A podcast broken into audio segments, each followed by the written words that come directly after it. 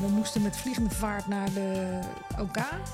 Hij was, eh, dat duurde ongeveer 20 minuten voordat hij toen uit mijn buik was. En ze konden in die 20 minuten niet zeggen of hij nog leefde of niet. De eerste vijf minuten dat ik zat te kijken, dacht ik: God, die man is net Matthijs van Nieuwkerk. Die voelt Oh. het erop los op de werkvloer. Het is echt niet normaal.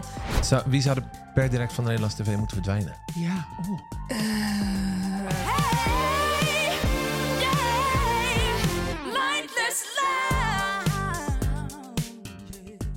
Dames en heren, alles verder buiten en ertussenin. Welkom bij The Lightless Lounge met mij, Nicky de Jager. En met mij, Wes van Os. Ja, en ik wil toch nog maar een keer benoemen. Want we hebben echt comments gehad dat we elkaar veel te veel aankijken. En het is allemaal nep. Ja, Maar als je toch met iemand praat en je hoort geluid, dan ga je toch die richting in. precies. Dus ik kijk de hoek in, de stoel in waar jouw Ja. geluid vandaan komt. Maar ik, ik zie nog steeds je linkerneusgat niet. Dus kappen nou. Maar Kappen nou. comments is goed voor het algoritme. Hey. en het algoritme ging hartstikke goed, want we zijn de nummer één podcast van Nederland geweest. Veel leuke reacties. Goed hè? Ja, en over reacties gesproken. We hebben met name op onze eerste aflevering, zowel online als in real life, Ja, wel echt reacties gehad. maar ook uit het vak. Ook uit het vak. We hebben het natuurlijk over eh Yvonne, live Ja. Yvonne. Ja, En we, we merkten toch dat in het, mensen in het vak, die hadden er toch wel moeite mee. heel erg moeite mee. Die zeiden, waarom geef je haar een podium? Ja, of waarom probeer je haar sympathiek te maken? Ja, maar Nou, dat, heeft ze zelf, gedaan. Ja. Dat gezegd hebben, eh, ik heb ook gezegd dat ik het ook niet altijd met Hilde en werk eens ben. En dat is hetzelfde als met de volgende gast. Daar ben ik het ook niet altijd mee eens, maar ook heel vaak wel. ja. Een lekkere Rotterdamse. Ja, we gaan van de Queen of Juice naar de Queen of the Columns. En ik ga hem even doen, want altijd als ik het over Angela de Jong, want dat is onze gast. Als ik het over Angela heb, dan doe ik altijd deze. Wat ik nu niet zie, maar we dan, dan- hopelijk allebei hetzelfde aan het doen dan heeft zijn. ze de afstandsbediening zo. Ja, heerlijk. Ik vind het ook toch weer spannend. Ja, vooral omdat zij natuurlijk vaak kritiek heeft op jouw werk. Nou, ook. zij kan letterlijk carrières breken. Ja, En mijn eerste vraag zal zijn, waarom heb je dat bij mij nog niet gedaan? Ah, dat gaan we de vraag later erbij halen. Ja, nou, daar komt ze. Lights out. Welkom in de Lightless Lounge. ja, ik vind het heel gek. echt. Thuis is het nooit zo donker. Nee. Zeiden we in koor. En ik zat nog na te denken over dat eh, we beginnen lights off. Ik dacht, oh ja, bij Mies Bouwman was het juist altijd licht, eh, licht aan, spot, eh, spot aan, zeg maar. Ja, Maar het is heel gek dat ik echt de neiging heb om te gaan voelen waar jullie ook alweer zitten. fijn dat je er bent. Nou, heel wederzijds. Om, leuk om hier te zijn. Ja, want dat was wel mijn grootste shock. Dat we op onze uitnodiging kregen. van, Nou, dat vind ik nou superleuk van jou te horen. Toen dacht ik, oh, Nou, ik vond het ook eng, want ik vind dat in het donker, dat vind ik echt wel een aparte dimensie. ja. Ja. Maar nee, ik heb een enorme bewondering voor, eh, voor jou, Nicky. Oh. En dat steek ik, heb ik ook in mijn columns niet onder stoelen of banken geschoven. Ik eh, vind het heel belangrijk dat er met name voor mijn opgroeiende kinderen boegbeelden zijn die eh, met hard werken bewijzen dat je alles kan bereiken wat je wil. Nou ja, ik zie aan hen hoe belangrijk iemand als jij voor hen bent. En ik heb gezien, ik was bij het Songfestival bij een van de repetities en ik was echt enorm. Oh, was je erbij? Goed dat je dat niet wist, hè? Nee. Nee, maar ik was eh, maar ook het geluid en die zaal en, en hoe mensen reageren toen met name jij, want ik dacht, nou Chantal Jans is de grote ster, maar het applaus was net iets luider toen jij binnenkwam. Maar nog los daarvan, alles gewoon mensen die in de media verschijnen in Nederland, die op eigen kracht iets hebben bereikt en die, nou ja, uiteindelijk heel normaal blijken. Daar heb ik grote bewondering voor. Nou, wat lief. Nou, dit was de uitzending. Ja, dankjewel. Tot volgende week. Beter wordt het niet. Beter wordt het niet. Nou, ik wou een, klein stukje aan het... Want het gaat gelijk over Eurovision. en- Maar wij hebben echt jou heel veel dingen te vragen. Ja, heel veel. Die eerste ehm, show, die eerste halve finale... Toen was het s'avonds, waren wij al zo euforisch... want dan heb je er al vier gehad. Ja. Het is al een droom die je leeft. En toen heb jij het volgens mij ook nog op tv... begon je, nam je al een voorzetje... en dan toen die dag daarna in een column. En dat wordt toch heel veel gelezen door mensen uit het vak. En ook mensen die daar rondlopen. Ja. Ja, dat helpt wel in het, eh, eh, in het... Niet in het zweven, maar het was echt een kerst op de taart. Het was wel echt heel leuk. Nou, Ja, dat vind ik ook leuk. Het Ja. wordt nu wel heel klef, hè? We gaan Ja, elkaar Ja, nu ik weet allemaal het. Nee, maar we gaan- moeten we even gewoon Ja, weg hebben. Ik vind jou geweldig. Nee, ik vind jou geweldig. En het knippen we eruit en dan gaan we nu beginnen met... Hey, nee, Helemaal niet, helemaal niet. Nee, maar dat is wel... En die vraag heb ik ook wel gelijk aan jou. Is, jouw woorden hebben dus best wel heel veel Heel impact. veel macht. Ben je daar bewust van? Ehm, ja en nee. Jawel, nee, niet Kijk, ja, bescheiden nee, ja, ja en nee. Want eh, eh, tuurlijk weet ik dat. En dat wordt me altijd wel weer ingepeperd op het moment dat ik een column schrijf. En dan lees ik iets terug. En dan eh, wordt er weer gezegd dat ik die heb kapot gemaakt. Of die Oh ja. weet Ja. ik veel wel. En ik, ik weet heus wel, hij wordt veel gelezen. Ja. En dat is natuurlijk een enorm compliment. En tegelijkertijd probeer ik er gewoon niet mee bezig te zijn. Het enige wat ik de lezers van het AD wil geven... is gewoon iedere dag mijn mening over iets wat ik op televisie heb gezien. En dat kan of iets waanzinnig moois zijn... waar ik heel enthousiast over ben... Of iets wat ik, waarvan ik denk, ja, weet je, dit moet je gewoon echt de kijker niet aan willen doen. Om wat voor reden dan ook. En dat probeer ik dan zo eerlijk mogelijk op te schrijven. En mijn eh, drijfveer is altijd, ik schrijf het op zoals ik het ook tegen mijn moeder zou vertellen. Oh ja. Oh, ja. Maar dat levert ook wel awkward situaties, denk ik. Want je komt die mensen wel tegen. Nou, het meest awkward is dat als ik inderdaad iemand tegenkom... en ik weet gewoon niet meer wat ik over die persoon heb geschreven. Oh, oh ja. Dan moet ik echt nog wel eens dat ik denk, oh, oh, wanneer, wanneer? Dat ze dan Want boos zijn het op probleem jou? Is, of... Kijk, d- wij hadden daar gisteren met collega's ook nog een discussie over in de podcast die wij maken. Ja. Eh, want die zei, ja, nee, ik vind hem wel sympathiek. Ik zeg, ja, maar het gaat er niet om of ik iemand aardig of sympathiek of leuk vind. Want ik vind heel veel mensen heel aardig. En iedereen doet altijd heel leuk tegen mij als die mij tegenkomt.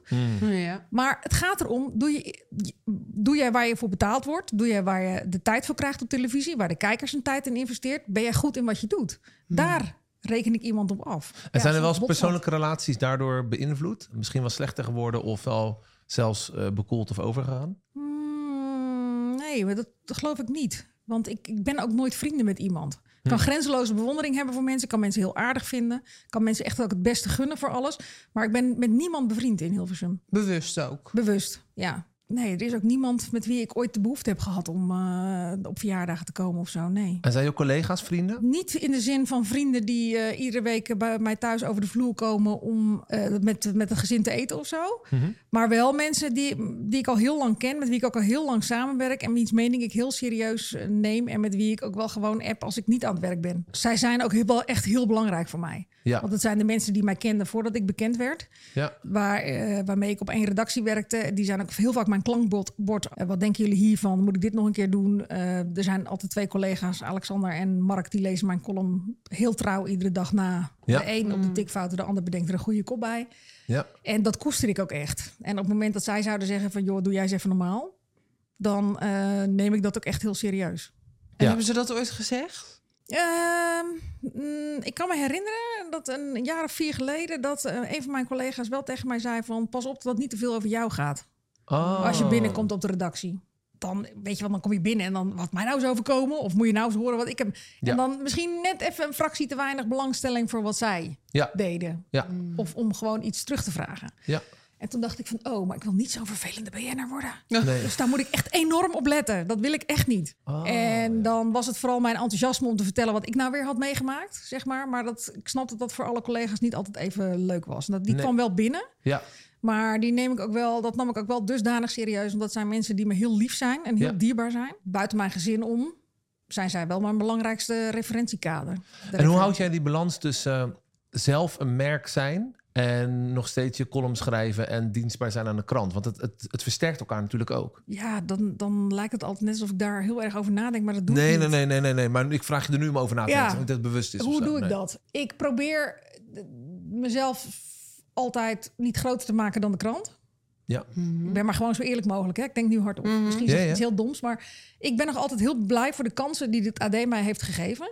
En ik zie vooral mijn werk eh, als iets wat bijdraagt aan het succes van de krant. En heb jij daar ooit in eh, conflict gestaan? Want wij we spraken in deze reeks ook Ellie Lust. Ja. En zij is bijvoorbeeld eh, vanuit een woordvoerdersfunctie op een gegeven moment ook eh, de media ingegaan. Krijg jij al die kansen, zeg maar, om tv te zijn en zo? Ja. Of werd, dat werd altijd wel eh, bemoedigd? Ja, dat werd juist heel erg bemoedigd. Want dat, ik schreef al, nou ja, sinds 2010, 2011 heb ik één keer in de week een column. En dat werd nou, na twee keer in de week, omdat die vrij populair bleek. En toen werd het drie keer. En toen deed ik mee met de slimste mens. En toen kwam eh, mijn toenmalige hoofdredacteur Hans Nijhuis naar me toe en die zei... misschien moet jij stoppen als chef van de redactie Show en Cultuur. Ja. En gewoon vijf keer per week die column gaan schrijven. En dan ja zeggen tegen talkshow optredens. Want ik had toen op televisie gezeten en een paar keer bij Jinek. Ja. En je bent, dat zou heel goed zijn voor de krant als jij een soort boegbeeld wordt. Ik moest daar wel heel erg over nadenken. Want hij zei, ja, dan bestaat wel de kans dat je BN'er wordt. Maar goed, ja, ik heb daar nooit rekening mee gehouden. Ik dacht, ja, dat, je kan zoveel zeggen, maar dat gebeurt toch niet. Eh, uiteindelijk gebeurde het natuurlijk wel. Wanneer maar had je dat door dat dat wel gebeurde? de- de, eh, op het moment dat er interviewverzoeken komen... en dat mensen op straat net iets langer naar je kijken... waarvan je denkt van, oeh, er hangt toch niet iets uit mijn eh, jas of zo. Ja. Dus het is vanuit de krant altijd heel erg gestimuleerd. Maar ik, omdat ik alles wil wat ik doe... graag ten behoeve van het AD doe, overleg ik ook alles. Ja. Maar bij iets, dus ook deze podcast... De, de uitnodiging komt... Ik dacht, nou, ik vind het leuk. Ik leg het aan mijn, en dan leg ik het aan mijn hoofdredacteur voor. Eh Renier Rijpma in dit geval. En dan overleggen we van, wat vind jij hiervan? Vind je dit een goed idee of niet? Als hij zegt van, nou, ik zou dit niet doen, want dat is gewoon niet... Dan vind ik het ook prima. Ik Ja. zit daar niet voor mezelf. Ik zit er ook niet om mijn eigen naam eh, groot te maken. Mensen denken ook altijd dat je enorm binnenloopt als je vaak in talkshow zit. Ik krijg er niks voor mensen. Ik wil, het laatste wat ik wil is denken van... oh, maar ik ga dit niet schrijven over dat en dat programma... want dan nodigen ze me niet meer uit. Ja, precies. En dan loop ik 1000 euro of wat zo Ja, betalen is. Nee, en dus dat, wil ik onder geen beding. Dus Nee. ik bedoel... En de Je bent niet om te kopen dus. Eh, nee. Ook niet door John de Mol. Ik kan me voorstellen dat die wel eens gebeld heeft. Ja. Die heeft zeker gebeld, ja. Ik Ja. denk wel meer dan één keer. Eh, ik ben, hij heeft me inderdaad eh, ooit benaderd, een paar jaar geleden, om eh, eens te komen kennismaken op zijn kantoor. Ja. Toen dacht Ja. ik, dat was net in de tijd van de zes ton in een Tesla van eh Oh, van en Mattie. Wietse. Toen dacht jij, wel, jij zit aan de auto Dus ik zat daar op, op dat kantoor en ik dacht, wanneer komt nou die zes ton een Ja. Tesla, jongens? Let's Kom op. go. Geef, geef maar. Nou ja, dat bleek wel een soort opmaat. Nou, want daarna werd ik inderdaad gebeld of ik wilde komen. En eh, ze hadden allerlei plannen voor programma's. En ik mocht mijn eigen redactie samenstellen. En een late Oh, night programma. En presenteren. En nou ja, noem maar op. Er stond heel veel geld tegenover. Veel meer dan dat ik ooit bij het AD zal verdienen. Ja. En als we in heel veel geld denken, waar moet ik zitten? Eh, het was bij elkaar, ging het om een contract van drie jaar. En dat was acht ton, iets meer dan acht ton. Ja. Zo. Ja, wel John. 2,75. Ome John. Ja, ome Ja. John, ome Suiker John. Ja. Ja. Ja. Oké. Ja, Nee gezegd. Ja. Ja, omdat ik A, dat het niet mijn droom is om ooit bij televisie te werken. Want mijn droom is werken bij het AD. B, omdat ik het niet te combineren vond met mijn leven thuis. Ja. Mhm. Dat ik dacht van hoe moeten we dit in godesnaam allemaal doen met die, met die gastjes. En ik heb heel erg veel moeite om mijn ziel over te leveren aan iemand als John de Mol. Ik hecht heel erg aan mijn zelfstandigheid. Ik dacht wel van oké, ik kan nu op de korte termijn een heleboel geld gaan verdienen. Voor iets wat ik eigenlijk helemaal niet wil. En waarvan ik ook eigenlijk zelf vind dat ik er helemaal niet zo goed in ben. En daarna, dan ben ik al mijn geloofwaardigheid kwijt. En Ja, en kan je nog tv recenseren als je zelf Nee, ja, dan ben ik mijn column kwijt. En nogmaals, ja. wat ik nu doe en de plek die ik nu heb, daar ben ik zo ontzettend. Ja, dankbaar klinkt een beetje gek. Maar ik ben gewoon heel blij met wat ik doe. En met wat ik heb bereikt. En wat ik kan bijdragen aan de krant. Die eigenlijk van jongs af aan heel belangrijk voor mij is geweest. Ja. Dus Maar nee. dan zeg jij nee tegen John. Dat moet je maar eh, Durven. en Ja. zeggen. Ja. Ehm, heeft hij je daarna nog wel eens gebeld? Of is het dan ook na één keer klaar? Nee, daarna was het in één keer klaar. Oh ja. Ja. Nou, weet ik dan weet ik mijn toekomst. Dan, weet- dan weet ik of Heb die, jij eh, ook nee gezegd dan? Ja, Ja, nee, en ook heeft eh, een nee gezegd tegen Avastars onder andere. Ja. Oh, ben jij blij? Oh, ik wist dat we het hierover gingen hebben. Maar voor de presentatie van Avond. Ja. Ja, ja. Oh my goodness. Ja. En maar volgens mij is het belangrijkste, en ook als je wel ja had gezegd, als je daar heel gelukkig van had geworden, Ja. dan is het ook belangrijk. Maar volgens mij Ja. moet je gewoon heel dicht bij jezelf blijven. Wil ik dit? Past dit bij me? Eh, geloof ik hier zelf in? En als het antwoord dan nee is, ja, dan kan er al het mogelijke geld in de wereld tegenover staan. Nou, het grappige was voor ons toen, want het was na Eurovision. En toen, eh, nou, iedereen belde natuurlijk. Avastars lag nog. eh, jury voor Hollands Got Talent lag nog. ehm, Voice Kids presenteren. Voice Kids lag nog. Maar bij De alle tien drie... vragen die je dingen zat gaan. Oh, de tien vragen hadden ze me ook voor. Bij alles zag ik mezelf niet. En toen dacht ik, ja, maar dit moet ik dus niet gaan Ja. doen. Ik had ergens het gevoel van, ja, maar ik moet er wel eentje doen. Want anders denken ze dat ik niks wil doen. En uiteindelijk allebei niet gedaan. En ik ben eigenlijk zo blij. Ja, ja. En ik zie wel bij meer mensen hoor, die ik echt gewoon wel de, de, nou ja, de tegenwoordigheid van geest zou ik bijna zeggen gun. Om, om heel kritisch te kijken naar iets wat je, of het bij je past of niet. En soms ook maar gewoon ruidelijk toegeven dat je het verkeerd hebt gezien. Dat vind ik Ja. ook heel fijn. Ja. Als mensen dat durven. Het is wel moeilijk om eh, soms tegen Maar ook mede door, door jou, Angela. Want ik denk toch, als mensen denken aan dingen proberen... dan, want ik dacht het ook... maar wat nou als Angela het niks vindt? Ja. Dan is mijn carrière voorbij. Ja, Ah, Ja, nee, maar echt geloof me, heel heel versum denkt dit. nee, maar weet je, als je iets uitprobeert, hoeft het ook niet meteen op het scherm, toch? Denk ik altijd. Nee, dat is waar. nee, precies. De televisie is toch geen speeltuin? Nee, oké, Je dus wilt daar toch- ligt jouw grens, zeg maar. Nou ja, er zijn echt de laatste tijd wel een hoop programma's geweest waarvan ik dacht, ja, maar als je dit toch uitprobeert en je kijkt er gewoon met kritisch naar met z'n allen, dan moet je toch Dat het toegeven niet uitgezonden. dat het niet goed is. Dat alles is muziek van Marieke Elzinga. Oh. Eh, Hotel Hollandia noemen we nu maar even.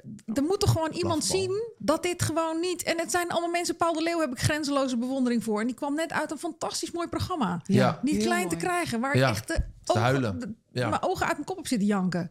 Echt. En als ik het mooiste fra- tv-fragment van het afgelopen jaar moet kiezen... zit dat in dat programma. Ja. Eh Marieke Elzinga heb ik grenzeloze bewondering voor. Ik bedoel, wat zij heeft opgebouwd... hoe zij nu de nummer één vrouw op de radio is. Echt Ja, geweldig. strijder. En een lieve meid, echte ja. strijder. En een Ja. onwijze eh, nuchtere, leuke meid. Want ik ben er wel eens tegengekomen ook. Maar dan denk ik, hoe kan het nou zo zijn dat jij niet een manager hebt of iemand om je heen die zegt van, ah, dit moeten we niet doen. Of weet je, Ja. wat nu ook met die jump. Ja, past dit nou echt bij jou, meid? Ja, iets anders wat ik me afvroeg is dat als jij ehm, soms zie je een programma de eerste aflevering, heb je dan genoeg gezien om zeg maar kritiek te leveren of om dit soms af te branden of niet? Ehm, maar jij zegt zodra het op tv is, dan mag ik commentaar erop geven. Zeker. Ja, dat vind ik wel. Want daar wordt natuurlijk ook nog wel eens over geroepen van... ja, het is pas de eerste en we doen ons best. Tuurlijk hou je dat altijd in gedachten. Maar je wil wel in een programma iets zien...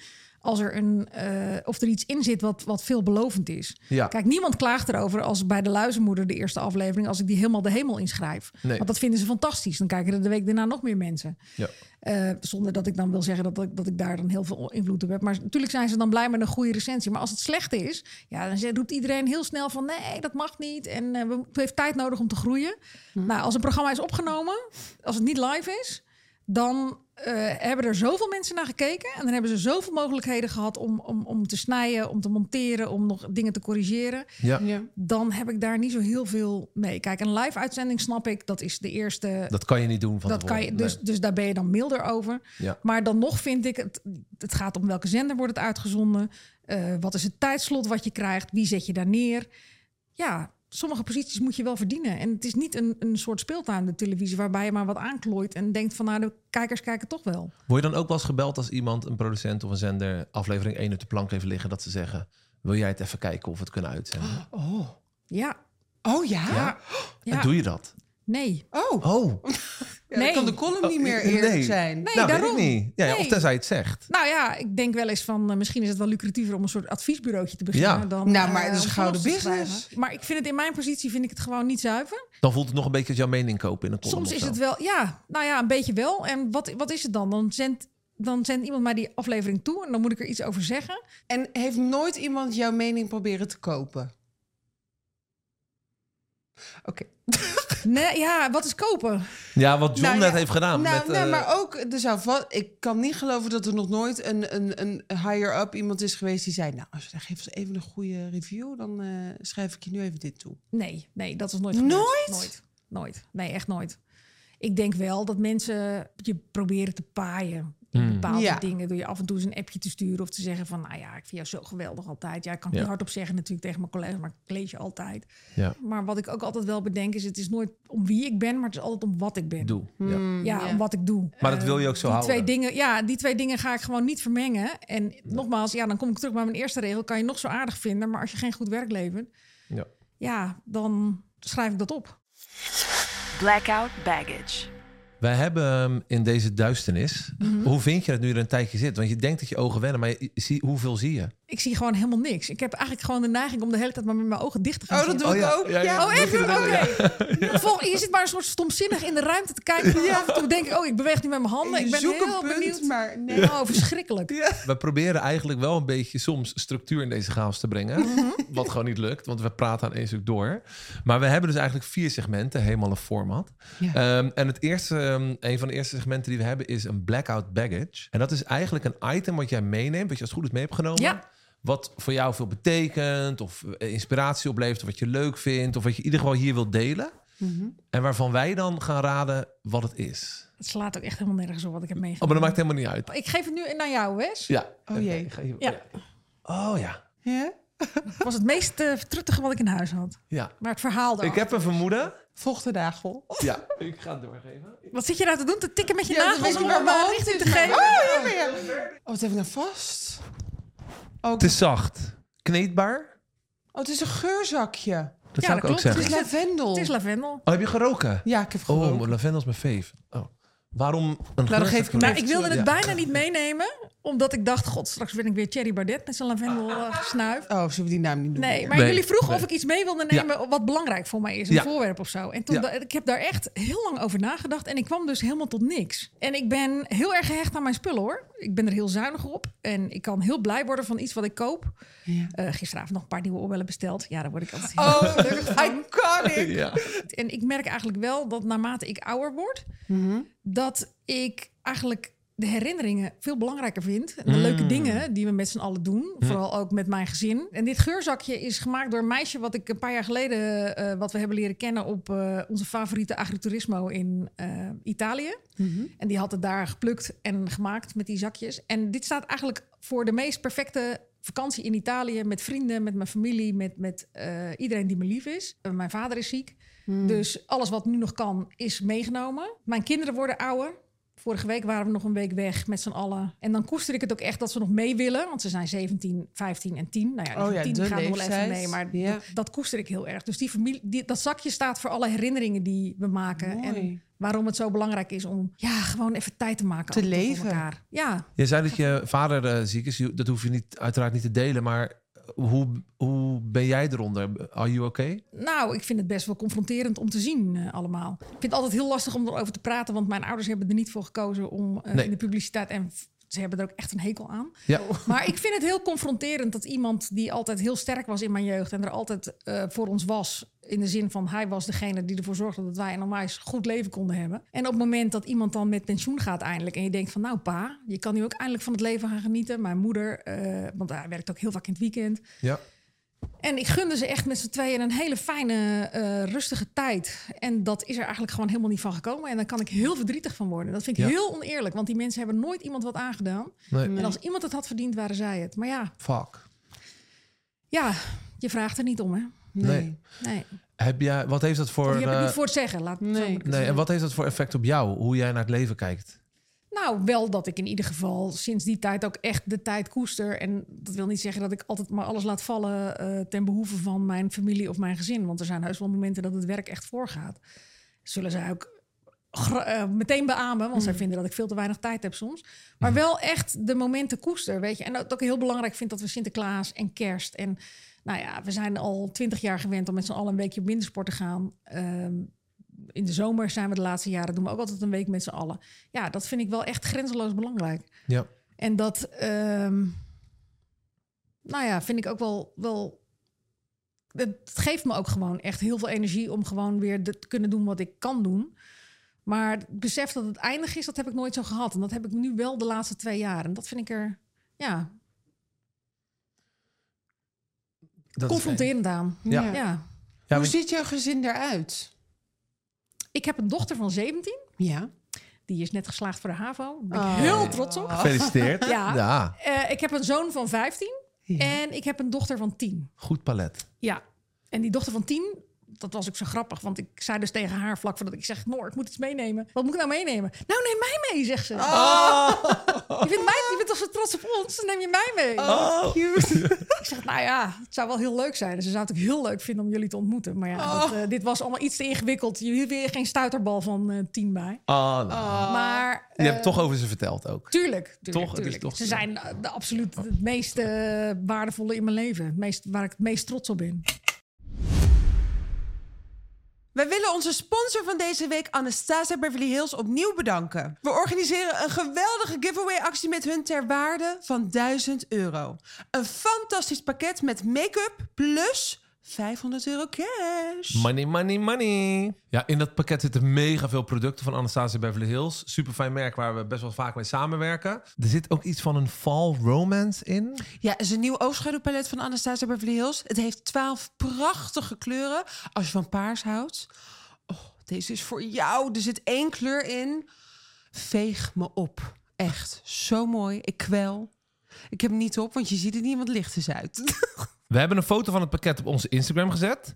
Om mee te doen, reageer en tag een vriend onder deze foto die jouw make-up maatje is. En volg Instagram van ons uiteraard, plus de pagina van Anastasia Beverly Hills. Na acht afleveringen te hebben uitgezonden, kiezen wij samen live op Instagram een winnaar. Hey Angela, net voordat we begonnen, toen zei je ook, kijk nog even snel op mijn telefoon, kijken of mijn column goed loopt. Ja, Ben je daar zo mee bezig? ja, Ja, Ja. nog steeds. ja. Ik, ben- ik ben een enorme neuroot. Echt verschrikkelijk. Ik zou willen zeggen dat het me allemaal niks uitmaakt, maar dat is het niet. Ik bedoel, Nee, maar eerlijk. een column is pas geslagen. Ik kan nog zo tevreden zijn over een column, maar als hij niet loopt, als hij niet gelezen wordt, dan heb ik er echt de smoor in. Oh, En hoe uit like dat me. zich? ja, zoals ik ja. Eh, nou, dan word ik zagrijnig. Oh, Oh, ja. like en, dan, eh, en dan denk ik altijd, oh ja, nou ja. Nou, dit Carrière was, is dit was, voorbij. Ja, carrière is voorbij. Dit was Ja. het dan. De mensen zijn zat. Die, ze lezen hem niet meer. Ze willen het niet meer. En dan, oh, ben man, ik. ik ben er Dat denk je naar verschrikkelijk- één slechtlopende column al. Ja. Oh, daar ben ik. Ja, dit is, ja, dit is echt Nicky. Ja, echt. Maar wanneer is een, een column dan succesvol? Als jij dat op je telefoon zit te checken, zeg maar, is het dan een x aantal views of zo? Of eh, hoe werkt dat? Ja, hij moet sowieso eh, veel gelezen worden. Ik moet er zelf ook wel compleet achter staan. Ja. Want ja, ik schrijf het niet voor de katse viool. Ik Nee. wil gewoon dat, die, ehm, dat mensen zich afvragen... wat vindt Angela daarvan? Ja. Ja. En, dat ze dan ook gewoon drie keer gelachen hebben. Als ze hem uit Ja. hebben. En heb je dan wel Of ook dat je... Of gehuild, ja. Je ontwikkelt dan op een gegeven moment misschien ook trucjes. Je leert ervan. Van Ja, luister, tuurlijk. dit werkt goed, dit werkt goed. Maar ben je dan bijvoorbeeld ook harder in je woorden om meer views te halen? Nee, want Nee? eh, dat ding staat achter een eh, betaalmuur. En dat heeft allemaal niet zo heel veel zin. Eh, ik heb ook helemaal niet de illusie dat mensen aanklikken omdat mijn kop daarop staat. Er moet gewoon een kop boven staan die mensen prikkelt bij, bij het idee van... weet je, ik wil toch even lezen wat ze vandaag te schrijven heeft. Ja. Daar begint het mee. Maar je hebt dus niet als jij... eh, want je schrijft er nu elke dag heen, toch? Ja, Maar je hebt dus niet dat je eh, eh, maandag en dinsdag was heel positief. En daardoor waren de cijfers misschien iets minder. Dat je dan op woensdag denkt, zo, nou ga ik er toch eentje uitknallen. nee. Het is niet zo dat een positieve column veel minder gelezen wordt. Totaal niet zelfs. Ik heb ook pas... eh, Ja, ik moet weer even denken aan een, bijvoorbeeld een documentaire op NPO 2... waarvan ik echt dacht van... eh, dat was eh, Liefsteling, die is fantastisch. Over eh, een, een ouder stel, twee vrouwen... eh, waarvan de een eh, dementeert en langzaam wegdrijft van de ander. Die was echt, van, echt zo'n aanrader, serieus. En er stond een kop boven die nu niet eens zo heel bijzonder was. Dit is misschien wel het liefste, mooiste wat ik ooit gezien heb. Dat stond erboven. Oh. Nou ja, die ging als een dolle. Ja.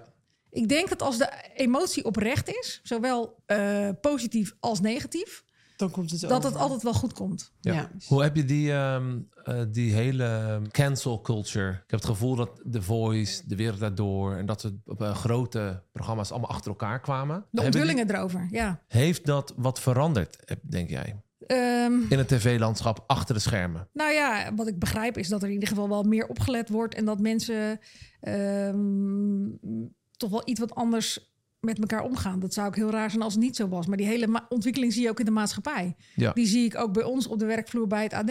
Als ik het daar vergelijk hoe het daar 15 jaar geleden was en hoe het nu is, dan eh, zijn we van een apenrots naar een, eh, iets heel anders gegaan. Goede ontwikkeling dus. Absoluut een goede ontwikkeling. Alhoewel ik best wel prima gedij in een competitieve omgeving. En ik ook best wel de lat hoog leg voor mensen om me heen. Ik ben zelf ook lang chef geweest. En ik ben niet van de zachte aanpak. Maar had jij En ook ik gecanceld kunnen worden als chef zijnde? Ja, ik heb wel een beetje moeite met dat woord gekend. Ik, ik weet niet of ik nog steeds zo lekker zou zijn als chef nu in dit bedrijf, eh, wat het nu is. Ik, ik denk niet dat ik daar heel erg eh, eh, vrienden mee zou maken en dat het ook niet meer kan. Maar misschien ben ik zelf ook wel weer gegroeid. Het is ook alweer zes jaar geleden. Hè? En dan zou ik het nu ook anders aanpakken. Ik denk ook wel eens terug dat ik denk van, ah, dat had ik niet moeten doen. Of dat had ik anders moeten doen. En sowieso had ik meer de nadruk op de complimenten kunnen leggen. Vind jij Nederland te woke? Ja, ook dat wordt al heel snel weer geroepen. Kijk, ik heb er helemaal totaal geen moeite mee dat, er, dat we meer nadenken over wat we doen en dat we proberen om zoveel mogelijk eh, mensen erbij te betrekken en inclusief te zijn. Alleen slaat het wel af en toe natuurlijk gigantisch door. Je zit wel eens bij VI Oranje aan. Of de Voetbal Insight, of hoe ze die Ja, gasten heten. ja. VI Vandaag. Veronica zo, hoe heet dat? Ehm eh, Johan Derksen is ook Insight. al een paar keer, eh, Vandaag is eh, het. een paar keer niet gecanceld, maar een paar keer op het matje geroepen om zijn mening. Zeker. Is hij ooit te ver gegaan? Nou, ik vond dat verhaal zoals het in eerste instantie werd verteld in die hele KSL-toestand, die vond ik echt zeer onsmakelijk en die vond ik ook echt wel kwetsend. Dan ben je ook aan tafel gaan zitten daarna. Daarna ben Ja, ik daar, Ja. want ik ben, niet, ik ben niet zo heel erg voor iemand om zijn mening heel erg afdoen. Nee. En dat iemand dan. Ik zat ook pas aan tafel bij. Ik weet niet meer zo goed. Volgens mij was het Umberto. En daar ging het ook eventjes om die enorme clash die ik toen had met Jan Slachter, die heel anders natuurlijk in de kwestie Matthijs van Nieuwkerk staat dan ik. Ehm, en daarna ging het over eh, Omroep Max, wat zoveel jaar bestond. En ehm, nou ja, dat kan ik heel makkelijk los van elkaar zien. Ik bedoel, Ja. ik ben het op dat punt niet met Jan Slachter eens.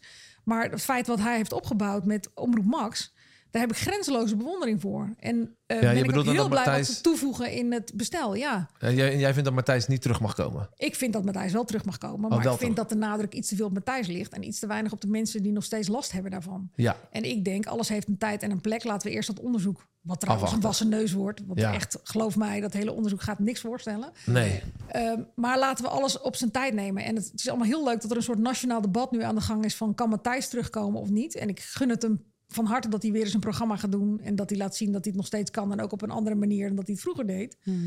Maar ik kom ook achter de schermen van die programma's. En ik zie daar echt mensen nog steeds trillen op het moment dat de naam Matthijs van Nieuwkerk valt. Ik heb echt eh, mensen, maar ik heb ooit, ik heb ook achter schermen gewerkt. En ik heb echt verhalen gehoord van mensen die echt er niet goed in gingen. En nog steeds niet. Die echt gestopt zijn met werken daar. Ja. En echt bad zijn gegaan. En, de, en die, ja, en die neem je niet, die neem je, die wil je ook serieus nemen. Want daar heb ik zelf ook mee gewerkt met die mensen. Weet je? Daarom. Dat je denkt, En- die, die, ze vertellen dit niet zomaar. Nee, daarom. En dat, dat is ook niet normaal. Want ik bedoel, daar zijn ook nog steeds mensen die hun droom daar hebben moeten loslaten. En dan kan je wel roepen, ach, ze waren gewoon niet goed genoeg. Maar zo werkt het natuurlijk ook niet. Want ik ken een aantal van die mensen. Die werken nog steeds wel achter de schermen. Ja. En die zijn niet slecht. Nee, Dat zijn gewoon goede mensen. ja. Dus ik vind dat je daar wel iets ehm, Dus de, mee ene, moet doen ook. En dat die ook een plek verdienen in dit hele debat. dus de ene perfectionist tegen de andere perfectionist zegt... je kan ook te ver gaan. ja, maar in die zin kan ik zelf ook nog wel zien dat Matthijs voor een, dat is een heel gevaarlijke uitspraak, maar ook voor een deel slachtoffer is. Want er had ook iemand boven moeten staan, naast moeten staan, die, zei, die hem had moeten beschermen tegen zichzelf. Ja. En die. ehm, Dat zijn directe naasten te Ja. veel het lieten gaan. Ja, een Ja. rechterhand of een eh, baas bij de omroep of een Maar die is nu naar Talpa, toch? directeur. ja, ja het wat, daar, wat daar allemaal gebeurd is, Ja. is er verdient echt zo niet de schoonheidsprijs. Nee, en ik hoop nee. echt dat dat wel gaat veranderen. Ja. Wat niet betekent dat je alles maar goed moet vinden. Want ik zie genoeg programma's waarvan ik denk van... nou, daar vindt blijkbaar iedereen maar goed. En dan mag best eens iemand met zijn vuist op tafel slaan. ja. Maar zijn vuist op tafel slaan is natuurlijk iets anders... dan mensen echt kapot maken Ja. en een, eh, in een burn-out praten. Twilight Delights. Wat doe jij voor het slapen gaan? Ehm, waar ik iedere avond weer van baal... Oh. Ik, ga, ik, ben, eigenlijk altijd pas rond half twee, twee uur zelfs tegenwoordig klaar met televisie kijken. Dan heb ik Oh. alles gezien wat ik wil zien. En dan, eh, maar ik kan niet naar bed zonder het eerst het hele huis opgeruimd te hebben.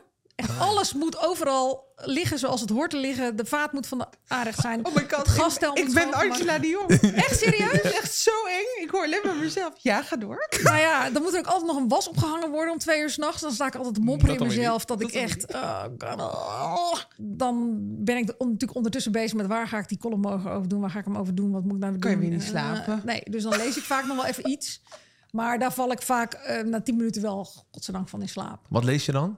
Eh, alles. Alles wat er eh, eh, niet Voorhanden de is. meest zware kost. Want dat heeft ook niet zo heel veel zin. Maar een boek laat. echt. Een echt boek. Eh, nou, ik heb een e-reader. Oh ja, Ja. ja, ja. Want een echt boek. eh, kijk, het voordeel van de e-reader is die geeft licht. En Oh ja. eh, het is al zo fijn dat je als je een talkshow zit te kijken en er zit daar een schrijver en die heeft een boek waarvan je denkt, nou, dat vind ik best leuk dat je hem plap meteen hebt. S'avonds. Eh, maar het kan ook een. ik vind Hendrik Groen die boekjes er pas weer een nieuwe uit. Die vind ik heel leuk. Ik ga niet even AFT van de Heide lezen s'avonds laat. Dat doe ik niet. Ik probeer echt zo'n brugje te vinden, maar het kan gewoon niet. Maar Angela, ik wil heel de hele tijd deze vraag Ja. stellen. Over eten toch? Ja. Ook, ik zat, Oh ja, je zat te niet denken wanneer. Ga wanneer jij komt ook naar Angelo Betty? Ja, nou ja. ehm, eh, ik, zou, ik, ik ben er wel eens geweest. Och, nee, dat is niet het antwoord. Waar- Nee, dat is niet wat je wil. Nee, nee, nee, nee. Oh, Is dit in crowd? Waar hebben we Ja, sorry, dit is een Rotterdamse, de Rotterdamse pizza. pizzeria. Oh mijn god, was dit je vraag? Jij houdt zeggen, ik hou heel erg van Italië en Ja. dat soort dingen. En het is wel een Ja. Rotterdams dingetje. Wat zijn dan jouw eh fave eh, plekken in Rotterdam?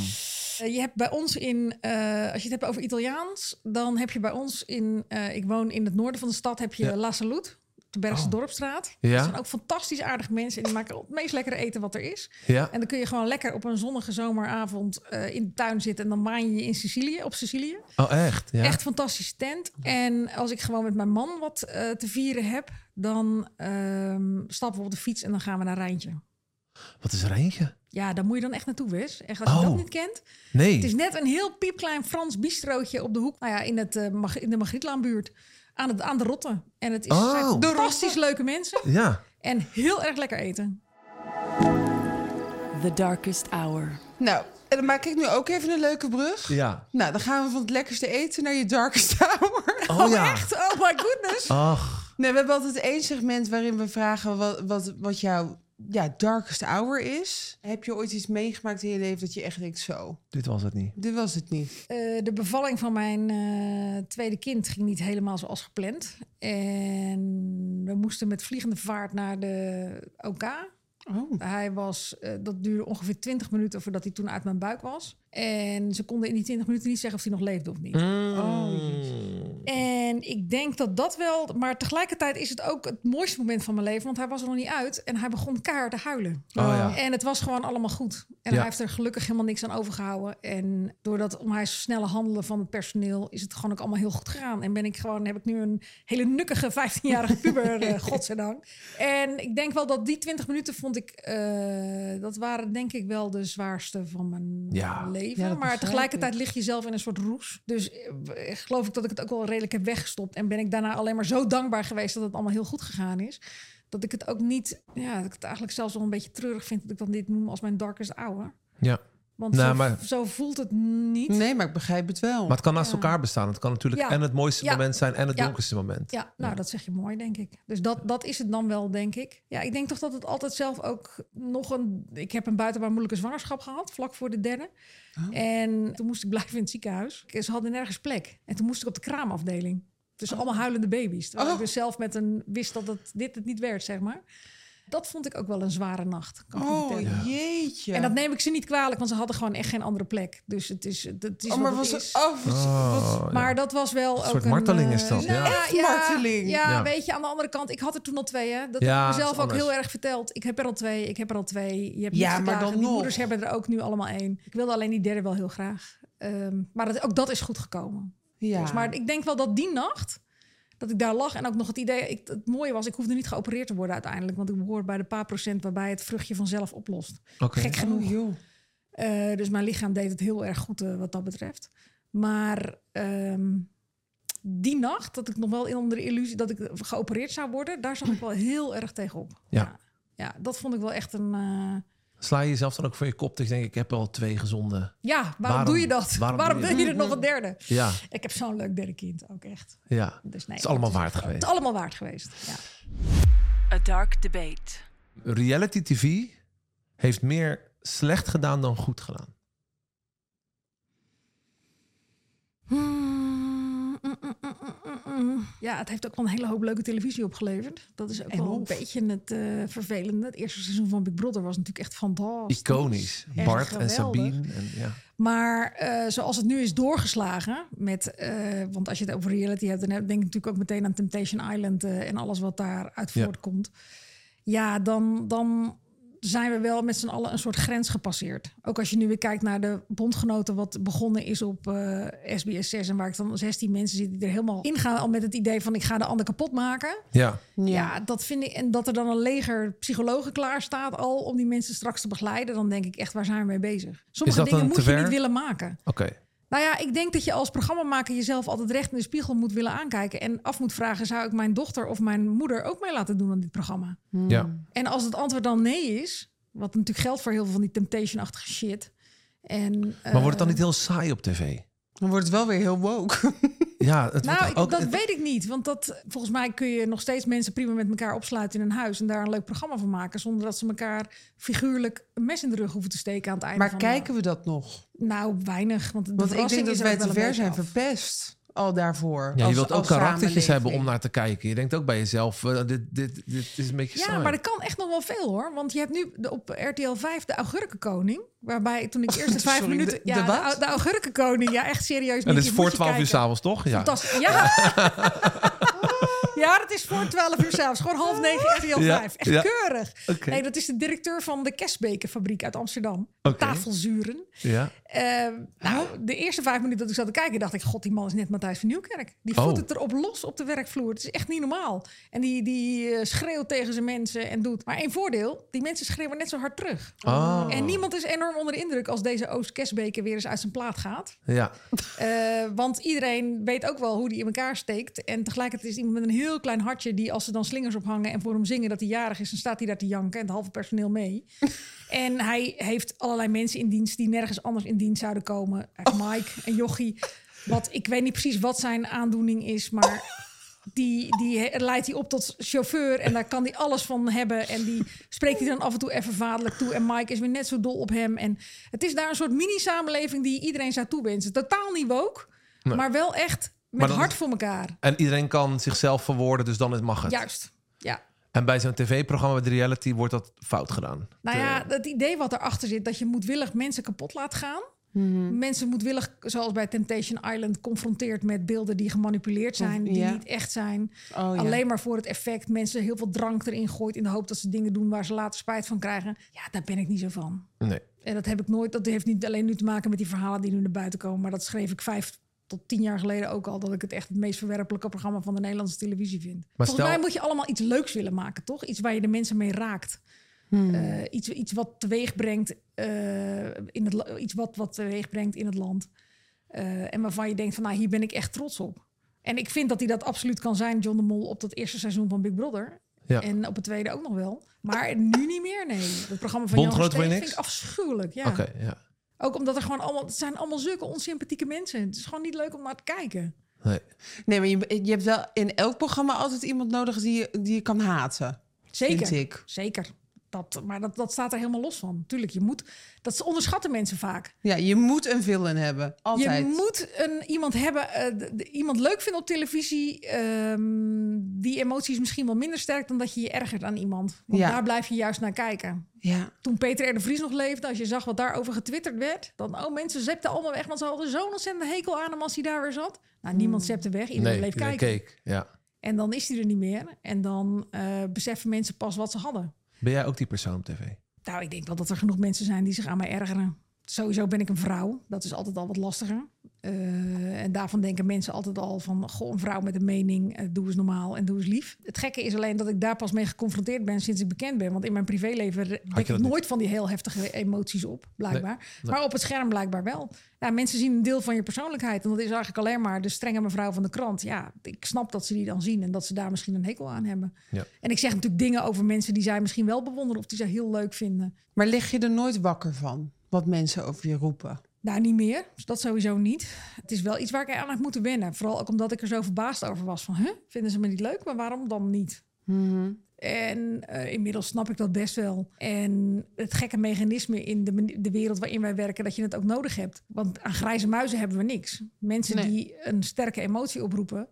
daar eh, ergeren we ons aan of daar houden we van. En dan blijven we kijken. Dus ja, of die blijf je lezen. Ja. Ik heb ook zo vaak dat ik dat dezelfde reacties onder een column zie... en dat ik denk van ja, dan lees je het toch niet? Als Ja. je je er zo aan ergert. Nee, precies. Maar hetzelfde met comments bij Nicky. Dan denk ik, ja, dan Ja. scroll je toch lekker door... en dan ga je naar het volgende filmpje. Dat denk ik ook. Maar blijkbaar doe je dan iets... Ja. Wat, waar ja. mensen toch niet omheen kunnen. Nee. Het heeft wel even geduurd hoor, maar inmiddels zie ik dat als een enorm compliment. En moet ik daar heel erg hard om lachen. Dat ik denk van, nou ja, wie is er nu zieliger? Ik die dit schrijf of jij die, eh, maar niet kan negeren? Ja. Maar kan je er ook nog om lachen als, als voor de 23ste keer een grap wordt gemaakt bij televisier over jou? Oh, dat vond ik een eer. Oh Ja? Ja, ja, ja, daar moest ik wel om lachen. Bovendien had de onderbuik van Angela de Jong het goed, hè? Oog altijd. dus ja, dat... eh, en Dat vind je alleen maar leuk. Peter Pannenkoek vind ik echt een fantastische cabaretier. Ja. Ja. Dus ik geniet er enorm van. eh, eh, Even tussen neus en lippen door, maar dat vond ik op televisie echt onge- ongelooflijk ongemakkelijk soms. Ja, dat, het- dat, Dat, de lach publiek niet was overkwam. zo stil. Ik heb zo hard proberen te lachen. Bij eh, televisie. Ja, oh, ik, Ja. En ik ga daar zo goed op dat. Dus Ja. ik zat thuis echt te gillen. Ik zat Ja. echt, oh, dat maakt het nog erger dat niemand lacht. Nee, maar dat is, ja, maar dat, ze zijn het ook niet gewend. En dat is natuurlijk ook waar ik tegenaan loop. Eh, Ja, ja, ja. Dat, Jij- dat, ja. dat het een wereld is waar iedereen alleen maar zegt: Oh, maatje, je bent geweldig. Ja. Oh, Likken, wat ben jij Nee, uitdelen en incasseren, toch? Eh, ze kunnen in, ja, dat moeten ze ook daar leren. Ja. En dat, eh, hoe heet het, realiseer ik me ook altijd terdege. En je hoeft mij ook niet leuk te vinden. En ik deel uit. Dus ik, je mag ook best terugstoten. Zo, wat ze dan doen bij televisiegala, prima. Ja. Eh, maar dat zou voor de televisiewereld ook wel goed zijn. Ja. Het is natuurlijk toch een medium wat het raarste in mensen naar boven haalt. Soms ook het slechtste. Waarbij ze buiten hun schoenen gaan lopen en echt gaan denken dat ze Gods gift voor de wereld zijn, zo ongeveer. En dat ben je natuurlijk niet. Nee. Ja, daar een beetje wat meer nuchterheid, wat meer Rotterdamse nuchterheid, denk ik wel eens. Zou echt heel erg fijn zijn. Amen. Even een berichtje tussendoor. Naast deze podcast hebben wij ook een cosmetica-merk. Nimja by Nikki Tutorials. Dat ben ik. Skincare en make-up producten voor beginners of gevorderden. En het merk is genderless, dus ook voor de mannen onder ons. Regelmatig hebben we ook mooie acties met bundels... waar je ook heel veel voordeel in kan vinden. Kijk op www.nimja.com. N-I-M-Y-A.com. Lingo! Eh Angela, heb jij concurrentie, vind jij? Hmm. Want ik denk dat, dat Hilversum en het land eh, zien jou denk ik als enige aan de top. Maar zie jij zelf concurrentie? Nee. Nee, Nee. hè? Nee. Nee, ja, dat is niet omdat ik denk dat ik er mijlenver bovenuit sta. Maar ik ben wel altijd iemand die uitgaat van mijn eigen kracht. En eh, ik las dat ehm Media Courant, dat we natuurlijk allemaal lezen in onze wereld... Eh, een soort eh tweestrijd proberen te creëren... toen Tina Nijkamp columns ging schrijven in De Telegraaf. Ja. Ik ervaar het totaal niet als een tweestrijd. Ik heb Nee. heel veel bewondering voor Tina. Zeker wat ze met SBS en al heeft opgebouwd daar. En ik ga daar echt niet dat ik denk van... oh, nu moet ik dat of nee. Ik kom mijn collega's van andere kranten... NRC, Trouw, Volkskrant... die kom ik één keer per jaar tegen. Mhm. Want dan reiken we met z'n allen de Nipkoff schrijven uit. En dat zijn allemaal mensen die doen precies hetzelfde als ik. Maar ik geloof niet dat ik voor hen een enorme concurrent ben. En ik ben ook voor hen... Zij zijn voor mij ook geen concurrent. Ik vind dat iedereen doet wat hij zelf moet. Die, die bedient zijn publiek. Die schrijft de stukjes die hij wil schrijven. Ja. Nee, ik ben eigenlijk altijd de grootste, wat ik net al zei, de grootste concurrent van mezelf. Ik Ja. jaag mezelf eh, af en toe over de kling. En dat eh, moet ik soms iets meer loslaten. Ik Heb je ook last van een zondagavonddepressie? Huh? Ja, dat is, ik noem dat een zondagavonddepressie heel erg. Maar dat op zondagavond, hoe leuk mijn weekend, dan is mijn weekend bijvoorbeeld heel leuk geweest. Ja?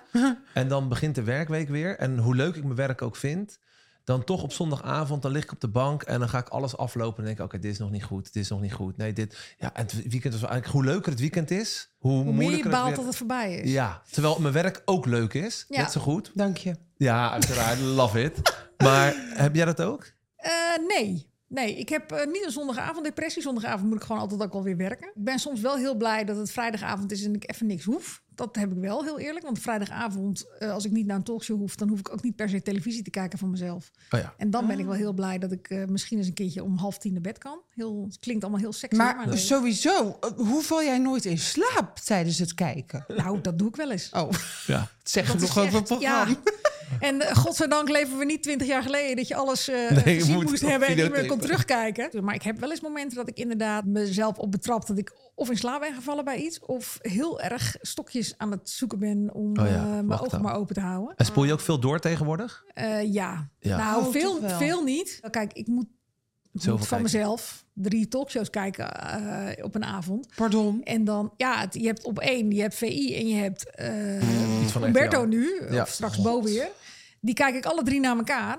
En als we dan zeker weten dat er een onderwerp is waar ik niet eh, iets over zal schrijven, dan wil ik dat nog wel eens doorspoelen. Elke Ja. dag kijk jij drie talkshows? Nou, vier met Geliet en Sofie erbij. En eigenlijk ook nog tijd voor Max. En oh mijn goede grutte. Ja, Maar nou, snap- sorry, ik echt, I love it als we bij een talkshow zitten, echt. Maar dat vind ik toch altijd vechten. Oh, dat nee. duurt zo ja het Maar duurt dan, lang. snap Ja, ik ook wel dat jij de slimste bent geweest. Slimste mens ooit. Want dat, dat is ook zo goed voor je Zeker. ontwikkeling. Je Zeker. maakt alles mee Je krijgt natuurlijk. alles mee natuurlijk. Zeker. En je Ja. krijgt heel veel meningen mee. Ja. Wat is de beste het- talkshow op het moment van Nederland? Mm, ja, waar ik toch met het meeste plezier naar kijk is VI. Omdat de meningen gewoon... De meningen. En Ja. dat het gewoon alle kanten op schiet. En dat er af en toe eens iemand wat uitflapt. Ook al ben ik het totaal niet mee eens, hè. Ja. Maar ehm, daar wil ik nog wel eens naar het puntje van mijn stoel schuiven. Ik ga nog steeds... Ik, ik kijk eigenlijk nooit VI, want het is gewoon niet echt mijn programma. Maar ik heb ooit... Toen zei, het was ook naar Eurovision weer. En toen zei Johan Derksen, die zei, ehm, eh, die zei volgens mij... Ja, dat meisje heeft het gewoon supergoed gedaan. Oh, En, eh, en klaar zo. En toen dacht ik, dat Nou, is hem. Die kan je ook in je zak steken. ik weet niet wat hij Incasseren. daarna ooit nog over me heeft gezegd. Maar ik dacht, als hij dit heeft gezegd, vind ik het prima. Top op een high. Ja. Maar ik, ja, ik herken wel heel veel in ze, in de- mijn omge- van mijn omgeving. En ik weet dat de AD-lezer, die vindt het ook een hele fijne talkshow. Die herkent er heel veel in. En eh, er wordt natuurlijk heel vaak een, van alles nog wat etiketjes op ze geplakt. Maar ze- zijn niet homofoob, ze zijn niet vrouw onvriendelijk, niet echt. Het zijn gewoon de mannen, ze hebben het hart op de tong, ze maken een grap. En eh, ze hebben de ene keer hebben ze de een en de andere keer hebben ze de ander. Ja. Ja, En als je een beetje terugkijkt op dit jaar... Wie vind je dan echt een grote belofte voor de toekomst? ja het is niet heel origineel, maar ik, heb, ik vind echt wel knap hoe Noah Valen zich eh, ontwikkelt. Had je dat ook gevonden als ze niet bij VI zat? Eh, ja, zeker, zeker, zeker. En ook zonder de kruiwagen? Eh, nou ja, dat, dat vind ik er wel een beetje het lastige aan. Maar als je het echt hebt over jonge talenten die zijn bovenkomen bovendrijven, dan vind ik hoe zij ook toch in een tijd die voor haar ook heel moeilijk is met alles wat er natuurlijk thuis speelt. Ja, Eh, met de moeder, met de ja. stiefvader. Die kruiwagen die heeft ze. Wat heel grappig is, mijn dochter wil ook wat gaan doen in de sportjournalistiek. En die vindt dan Noah Falen een enorm voorbeeld. En dan Oh ja. hoor ik mezelf wat zeggen. Ja, maar geen enkele 22-jarige krijgt de kansen die zij krijgt hoor. Oh ja. ja en dat ja. vind ik dan heel zuur van mezelf, terwijl het wel zo is. Maar Ja. ik vind haar ook echt hoe ze voor de camera staat. Ja, ik bedoel, het zit in de genen. dat maakt kun je het niet wel waar. ontkennen. Ze maakt het echt waar. En voor wie ik ook een grenzeloze bewondering heb, is eh Helene Hendricks. Ja. Oh ja. Hoe die zich ontwikkeld heeft, ook na eh, toch redelijke debakel Hendricks en Gené. Dat, die talkshow die ze zelf maakte en hoe ze daar nu gewoon zit. Pas hoorde ik haar een gesprekje tussen haar en René van der Gijp aan die talkshowtafel. En dat hij zei van ja, maar je moet eigenlijk niet meer gaan staan bij eh Heerenveen Telstar. En toen zei ze ja, maar dat vind ik gewoon heel leuk. Oh ja. En toen dacht ik van verrek man, zij zou nu ook helemaal buiten de schoenen kunnen lopen en denken van ik ben de nieuwe eh, Eva Jinek en kom maar op. Maar zij blijft ook trouw aan zichzelf. Zij vindt het heel leuk om bij zo'n voetbalwedstrijd te staan op zondagmiddag. Ja, dan heb je mijn heel hart. lief mens. Echt een Ja. heel lief mens. Ja, en het wordt vaak onderschat hoe belangrijk het is dat je als kijker nog kan herkennen in iemand. Dat hoeft niet iemand te zijn die bloedmooi is, of, Nee. of, maar iemand die gewoon hard werkt en die daardoor de gunfactor heeft. En Ja. dat vind ik bij haar, vind ik echt alles aanwezig. Zou, wie zou er per direct van de Nederlandse tv moeten verdwijnen? Ja, oh. Eh, het is een van eh, Peter Gillis. Oh, Oh ja. eens. Dat vind ik echt bizar dat hij nog steeds in het zadel wordt gehouden. Echt. Ja. Financieel, denk ik. Belangen, denk ik. Van Ja. de zender, toch? Ja. Ja, en een soort eigenwijzigheid denk ik ook. ja. Ik heb twee korte vragen nog. Ja. Eén. Wat zou jij, Nicky, adviseren Oh, Als programma. als volgend programma? dat doet ze niet. Dat doet ze niet. ik adviseer niks. Nee, nee, nee. Ehm, Maar wat zie je in mijn straatje? nee. eh, eh, misschien een soort logisch vervolg op de eh, make-up programma wat je hebt gedaan met die jongeren. Ik zie jou wel iets maken waar je zeg maar jongeren die iets hebben te overwinnen bij de hand neemt. Dat, dat je uitgaat van wat, je, wat jouw eigen kracht is en waar jouw eigen interesses liggen en waar je echt wat te bieden hebt ook aan, aan jongeren. Het mag voor mij ook een enorme glittershow zijn op hakken en eh, noem maar op. Hè, of een talkshow mag voor mij ook. Maar Talkshow wel, ja? als ik kijk naar, naar gewoon hoe toch eigenlijk ieder kind worstelt met iets. En ik denk dat jij daar degene in bent die daar heel goed advies in zou kunnen geven. Dus daar zou ik, denk ik, wel wat Gaan zitten. in zien. Maar je zegt ook een talkshow. Ja, omdat ik Oh. me ook wel kan voorstellen dat je eh, met mensen gaat zitten kletsen en daardoor je oprechtheid en je, nou ja, eh, overrompelende enthousiasme, spontaniteit, noem maar op, ook wel iets uit zou kunnen krijgen wat anderen niet lukt. En wie weet is, heb ik het helemaal mis en zie ik het en dan denk ik, jasses. Zet maar af. En dan komt er nog een column, jongen, dat wil je niet weten. Dat Oh, ik echt helemaal You verkeerd better. Toch nog komt. You Oh. better. Nee, maar En dan heb je ja, elk recht en dan vinden we je nog steeds aardig. Ja. En, eh, Het houdt me het enige wat ik zal er wel mijn argumenten dan bij geven. Tuurlijk. Heel fijn. Mijn laatste vraag was: jij je bent eh, beoordelaar van eh, programma's en van, column, of van formats. Zou dit een tv-programma kunnen zijn? Ik vind wel dat het wat met je doet, moet ik zeggen. Dat je helemaal in het donker zit, niemand, wat, niemand kan zien... en heel erg teruggeworpen wordt op jezelf of zo op de een of andere manier. Ja. Het is wel iets waarbij je denkt van... nou, ik laat maar alles los en ik geef maar gewoon antwoord... en fuck it, wat voor rare stukjes hier weer op eh, worden, door worden getikt op eh, allerlei sites. Hm. Dat, dus eh, misschien is het inderdaad wel wat, ja. Maar aan de andere kant, niet alles hoeft ook televisie te zijn, hè? Nee. Nee, zeker Nee, niet. zeker ik niet. bedoel, eh, gewoon een goede podcast of een goed radioprogramma. Is ook leuk. is ook. Is ook. Maar ik vind het nu, nu ik dit zo zeg, denk ik, het doet wel iets met je. Dat je gewoon helemaal in het donker zit en met mensen praat. En jullie missen ook wel een deel. Natuurlijk, van je ziet niet mijn mimiek. en Nee, ik vind dat het reuze, reuze interessant om terug te gaan kijken. Want dan weet ik hoe iemand kijkt op een vraag. Of hoe iemand reageert. Of, of We hebben een keertje gehad bij, in de aflevering van Ellie zat Nicky te huilen. ja, En dat kreeg door. ik niet mee. Ja, dan ben je toch een botte lul als je daar niet even bij stilstaat. Of als je even het moment zijn Ja. beloop laat. Maar je, had, je hoorde dat aan haar of zo. In het Nee, dat, nee later Nee, zagen had- we dat. Oh, dat dat hoorde ik zag dus je, niet. ja. Ik had hem nee. heel goed Nee. weggesnikt. Ja, ja dus, dat, dus dat hoorde ik niet. Ja, dan, dat mis je dan wel. En wij moeten dan misschien een beetje met elkaar rekening houden wie welke vraag stelt. Maar ja, je kan elkaar ook niet aankijken en denken van... oh, diegene maakt aanstalten om de volgende vraag te stellen of zo. Nee. Dus dat is best wel Nee. moeilijk eigenlijk. Ja. Maar goed, dat, ja. Maar jullie zitten elkaar niet in de weg. Dat vind ik dan wel weer frappant. Ja, dat gebeurt er als je een paar jaar samenwerkt. Ja, Dankjewel voor je komst. nou, graag gedaan. Ja. En een eh, fijne reis naar huis. En heel veel sterkte met het verloop van je vader. En, eh, En ik zeg, Dankjewel. ik kan niet wachten op de volgende column. ja, tot de volgende. Nou, morgen weer. Morgenochtend voor 12 hoop ik. Oké, dan tot de volgende telly. Hey,